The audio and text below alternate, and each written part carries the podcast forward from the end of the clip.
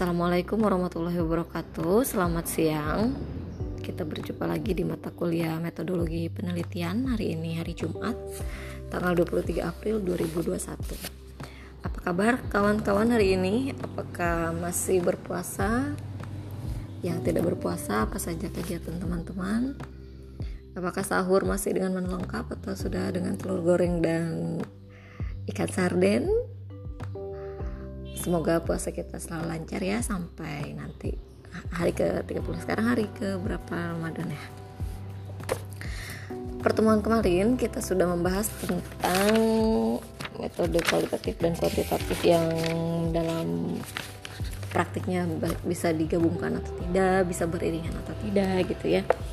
Pertemuan kali ini kita akan membahas tentang masalah. Saya harap kalian sudah berusaha menggunakan uh, critical thinking kalian atau berpikir kritis kalian tentang masalah yang bisa dipakai dalam karya ilmiah ya. Karena selain untuk tugas akhir ah, mudah lah untuk membuat, tugas akhir itu mudah ya. Apalagi kalau kamu sudah menentukan uh, tempat uh, PKL-nya gitu ya praktik kerja lapangan uh, praktik uh, kerja akademik gitu ya itu akan mudah menemukan masalah. Ini kita akan membuat karya ilmiah selain TA gitu selain jurnal untuk tugas akhir.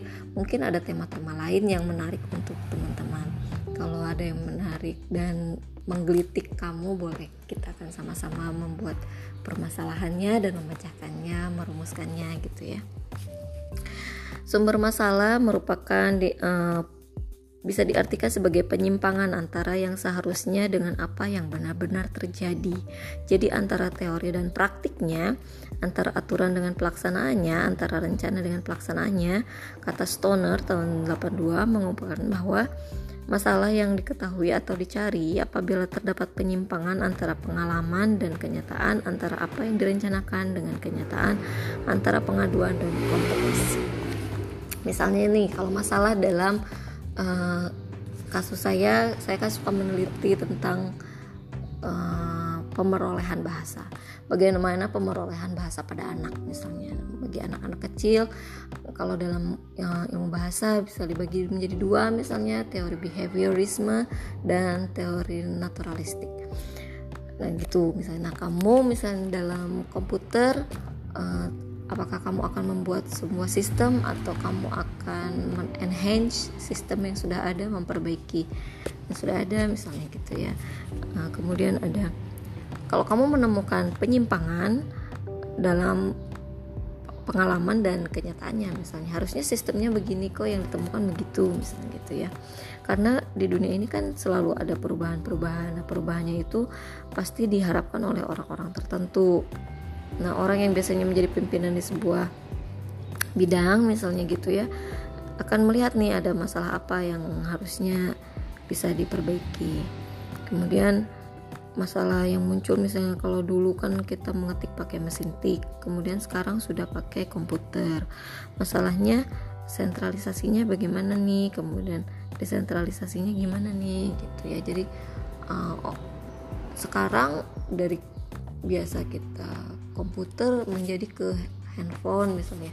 Dari biasa ke TV yang besar di satu ruangan ditonton oleh semua orang banyak gitu. Sekarang ke layar yang kecil handphone masing-masing. Itu masalahnya akan menimbulkan masalah apa sih gitu. Kebutuhan-kebutuhan manusia. Selanjutnya ini akan apa gitu. Kemudian terdapat yang kedua yang tadi pertama ya terdapat penyimpangan antara pengalaman dan kenyataan yang kedua, terdapat penyimpangan antara apa yang telah direncanakan dengan kenyataan. Itu yang direncanakan, yang dikira-kira, hipotesis dan kenyataan yang terjadi di lapangan tuh apa misalnya gitu. Jadi rencana yang sudah ditetapkan itu hasilnya tidak sesuai dengan uh, tujuan rencananya tersebut. Kalau misalnya di kakak kelas kamu pernah akan membuat apa terjadi tidak tidak tidak terjadi gitu. Nah itu bisa menjadi hal yang seperti itu.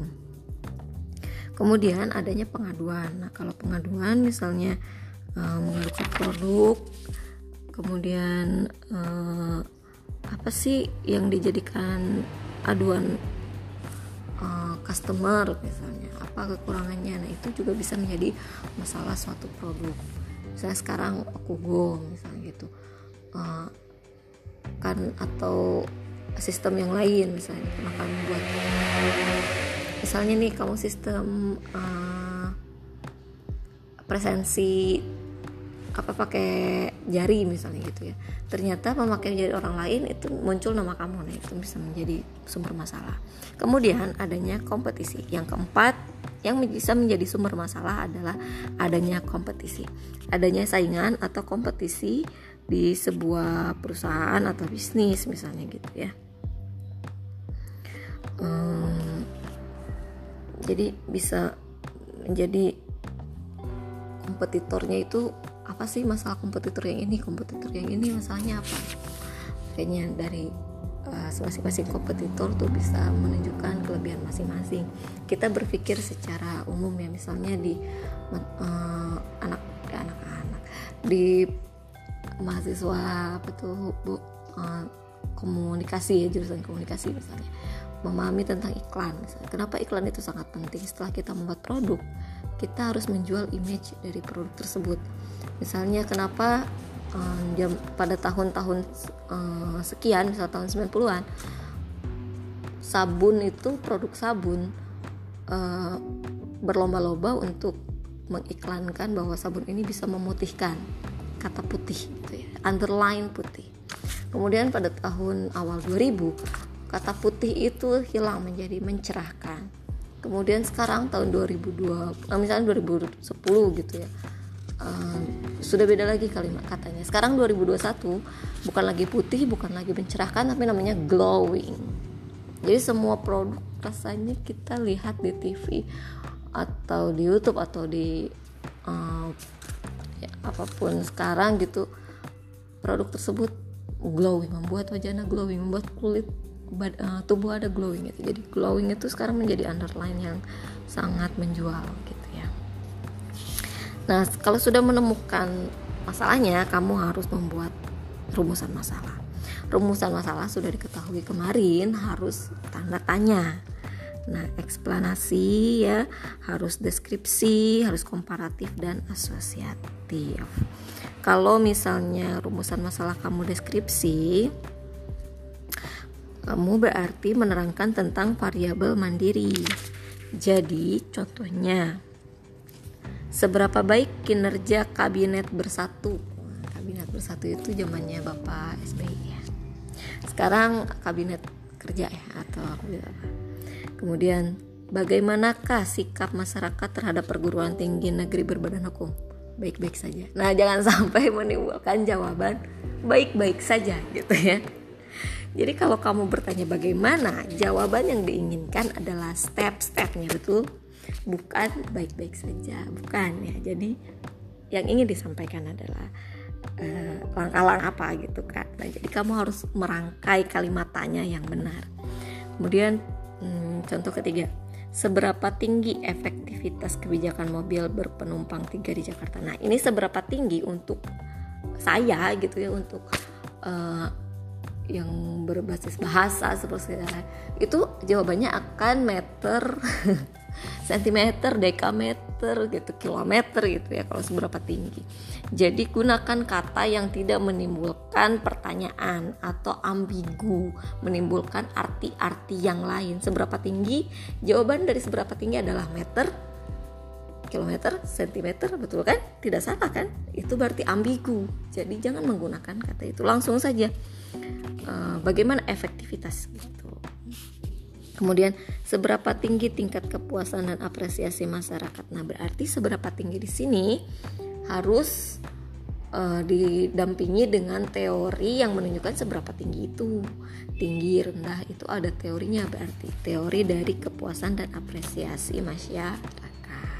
Harus sudah ada yang mengatakan tentang kepuasan masyarakat itu memakai teori siapa tentang kepuasan masyarakat, kepuasan customer, keberterimaan customer terhadap uh, itu. Yang kedua, rumusan masalahnya menggunakan kalimat komparatif. Jadi membandingkan nih gitu. Kalau komparatif berarti membandingkan yang satu dengan yang lainnya. Uh, contoh pertama adalah adakah perbedaan produktivitas kerja antara berarti kalau sudah kata antara itu membandingkan antara pegawai negeri, BUMN dan swasta. Jadi variabelnya uh, ada tiga. Sampel yang kamu gunakan variabelnya tiga. Kemudian contoh yang kedua, adakah kesamaan cara promosi antara perusahaan A dan perusahaan B? gitu ya misalnya antara perusahaan uh, Graha Akmi dan perusahaan Batu Raja apa bunga taman bunga misalnya gitu punya parasidi misalnya. Nah, seperti itu ya. Kemudian yang contoh ketiga adakah perbedaan kemampuan dan disiplin kerja antara pegawai nasional dan perusahaan swasta? Jadi menggunakan dua variabel dan dua sampel. Bagaimana sih untuk nah ini contoh ini terlalu luas sebenarnya ya kalau menurut uh, pemilihan bahasanya kalimatnya menurut saya. Karena perusahaan swasta yang mana nih dan perusahaan asing yang mana nih gitu harus disebutkan. Contoh yang keempat adakah perbedaan kenyamanan naik kereta api dan bus menurut kelompok masyarakat di daerah apa gitu ya? Jadi jangan kelompok masyarakat saja gitu. Karena itu akan uh, terlalu luas gitu. Kamu akan bingung sendiri nanti menentukan sampelnya. Contoh yang kelima Adakah perbedaan daya tahan berdiri pelayan toko yang berasal dari kota, dari desa, dan gunung? Jadi satu variabel tiga sampel, gitu ya. Jadi variabelnya uh, pelayan toko, sampelnya itu yang berasal dari kota, dari desa dan gunung. Mungkin uh, apa ini dari segi fisik gitu ya. ya ini contoh-contoh uh, untuk berbagai jurusan gitu ya. Jadi kalau misalnya nanti selain TA kan kamu saya harap bisa bermanfaat di masyarakat. Jadi kamu bisa melihat nih uh, gejala-gejala apa gitu. Terus kemudian bisa bekerja sama dengan siapa kamu uh, melakukan penelitian. Kemudian contoh yang keenam. Adakah perbedaan tingkat kepuasan masyarakat di Kabupaten Oku dan Oku dan Oku Selatan dalam hal pelayanan kesehatan? Misalnya. Itu sudah bagus ya. Kemudian rumusan masalah Contohnya nomor 7, adakah perbedaan kualitas manajemen antara bank swasta dan bank pemerintah? Kamu bisa pilih salah satu bank apa dan bank apa. Nah, sekarang penggunaan rumusan masalah asosiatif atau hubungan simetris, hubungan kausal dan interaktif, resiprokal atau timbal balik asosiatif ya. Yang pertama, hubungan simetris. Contohnya kalimatnya. Satu, Adakah hubungan antara banyaknya bunyi burung perenjak dengan tamu yang datang? Hal ini bukan berarti yang disebabkan tamu datang adalah karena bunyi burung ya. Misalnya di pedesaan tuh di Jawa Tengah ada kepercayaan kalau depan rumah ada burung perenjak maka diyakini akan banyak tamu yang datang misalnya gitu. Kalau kan mitosnya tuh beda-beda tuh. Kalau di Korea misalnya kemarin yang muncul tuh kupu-kupu misalnya gitu. Di Jawa Barat juga tuh kupu-kupu kalau ada tamu ada kupu-kupu putih, kupu-kupu hitam yang kecil-kecil berarti akan ada tamu. Kalau kupu-kupunya makin besar berarti uh, jiwa yang akan datang itu besar juga gitu ya. Kemanfaat orang yang datang itu besar juga. Kemudian contoh yang kedua. Adakah hubungan antara banyaknya semut di pohon dengan tingkat manisnya buah? Biasanya kan gitu ya dikiranya itu buahnya itu sangat manis. Ternyata tidak ya tidak begitu. Coba deh kamu analisis ternyata tidak seperti itu. Ya semut itu memang harus kan ada berbagai macam cara ya. Ada yang bilang uh, rakyat Nabi Sulaiman tolong pergilah dari sini. Nih ada yang pakai metode gitu ada yang pakai metode dengan alat misalnya prodan gitu ya atau pupuk-pupuk yang lainnya uh, adakah hubungan antara warna rambut dengan kemampuan memimpin? Nah sekarang kan sedang bu sangat booming ya mau itu laki-laki atau perempuan menggunakan uh, warna rambut yang ngejreng gitu. Kalau zaman dulu kan semak orang tuh berasosiasinya bahwa dia tidak memiliki banyak waktu untuk memikirkan penampilan gitu. Saking banyaknya hal yang harus dia urus. Jadi ada yang di lemarinya bajunya atasnya hitam celananya jeans semua gitu. Jadi setiap hari tidak usah berpikir akan pakai baju apa karena semua bajunya sama gitu. Setiap hari bajunya sama itu dia memiliki waktu yang banyak untuk memikirkan hal yang lain. Misalnya materi memikirkan uh, materi yang akan disampaikan di kelas atau memikirkan bisnis apa yang ini memikirkan profit hari ini apa gitu. Jadi uh, kemudian tidak banyak waktu untuk ngeblow rambut makanya rambutnya pendek. Nah itu asosiasi yang muncul di masyarakat ya asosiasi yang dimunculkan bahwa semakin simpel penampilan seseorang dia memiliki waktu yang banyak untuk mengurusi hal lain. Semakin banyak dia waktu mengurusi badannya gitu tubuhnya maka semakin sedikit waktu untuk mengurusi hal-hal yang positif. Nah gitu. Sekarang ternyata tidak begitu ya. Jadi di saat senggang misalnya mereka mewarnai rambut untuk menunjukkan bahwa hmm, eksistensinya bahwa selain dia mengurusi hal yang memang rutinitas dia juga um, memiliki eksistensi gitu di dirinya. Bahwa dia untuk menunjukkan nih ini saya gitu. Ada yang memakai kuku warna-warni misalnya rambut warna-warni pakaian warna-warni gitu. Bahkan ada satu teori mengatakan semakin aneh orang itu berpakaian sebenarnya dia semakin menutupi sesuatu di dirinya gitu Kemudian ada lagi ad, nomor 4 contohnya adakah hubungan antara jumlah payung yang dijual dengan jumlah kejahatan? Gitu ya. Jadi ini misalnya analisis uh, anak-anak hukum misalnya menyukai hal-hal yang seperti ini. Karena hukum makin sekarang makin harus humanis jangan sangat mengecilkan kemanusiaan gitu. Jadi kemanusiaan dijunjung tinggi dalam hukum saat ini. Kemudian ada contoh judul penelitiannya uh, hubungan kausal ya. Hubungan kausal yang sebab akibat. Contoh nomor satu adakah pengaruh sistem penggajian terhadap prestasi kerja? Jadi sistem penggajian uh, pakai amplop dan pakai rekening apakah akan berbeda? Sistem penggajian per jam atau uh, borongan apakah berbeda gitu ya Kemudian seberapa, nomor dua, seberapa besar pengaruh kepemimpinan nasional terhadap perilaku masyarakat? Kepemimpinan nasional bisa dilihat dari artikel presiden misalnya wawancara-wawancara menteri dan lain sebagainya terhadap uh, perilaku masyarakatnya apa misalnya yang mau diambilnya gitu ya itu harus lebih di ini lagi.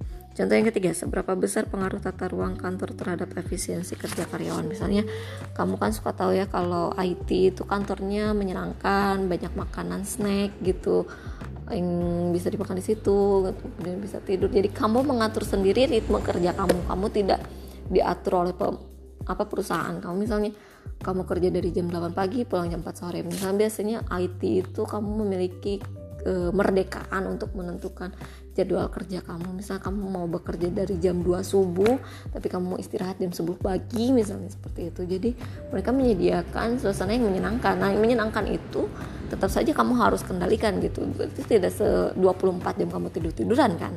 Jadi manusia-manusia merdeka adalah manusia yang bisa menemukan inovasi. Bukan manusia yang 24 jam memang kamu rebahan gitu. Bukan seperti itu ya. Itu bedanya manusia merdeka dan manusia yang terjajah ya. Jadi semoga kalian teman-teman saya ini sudah menjadi jiwa-jiwa merdeka yang bisa menentukan uh, saatnya kamu rebahan dan saatnya kamu bekerja menentukan jam-jam kamu memilih yang penting dan bisa di ini lagi. Kemudian ada uh, kalimat judul hubungan interaktif resiprokal dan timbal balik. Uh, yang variabelnya independen dan dependen. Misalnya yang ke satu, contohnya hubungan antara motivasi dan prestasi. Uh, yang tadi misalnya uh, penggajian tadi. Yang kedua, hubungan antara kecerdasan dengan kekayaan. Kecerdasan dapat menyebabkan kaya, demikian juga orang kaya dapat meningkatkan kecerdasan karena gizi terpenuhi. Apakah iya gitu? Apakah semua orang kaya itu pasti cerdas gitu? Apakah semua yang miskin tidak cerdas tidak ya menurut saya. Itu bahkan ada yang misalnya ayahnya pengayuh sepeda tapi dia bisa S3 sampai ke Amerika misalnya. Berarti kan itu ada pengecualian-pengecualian gitu.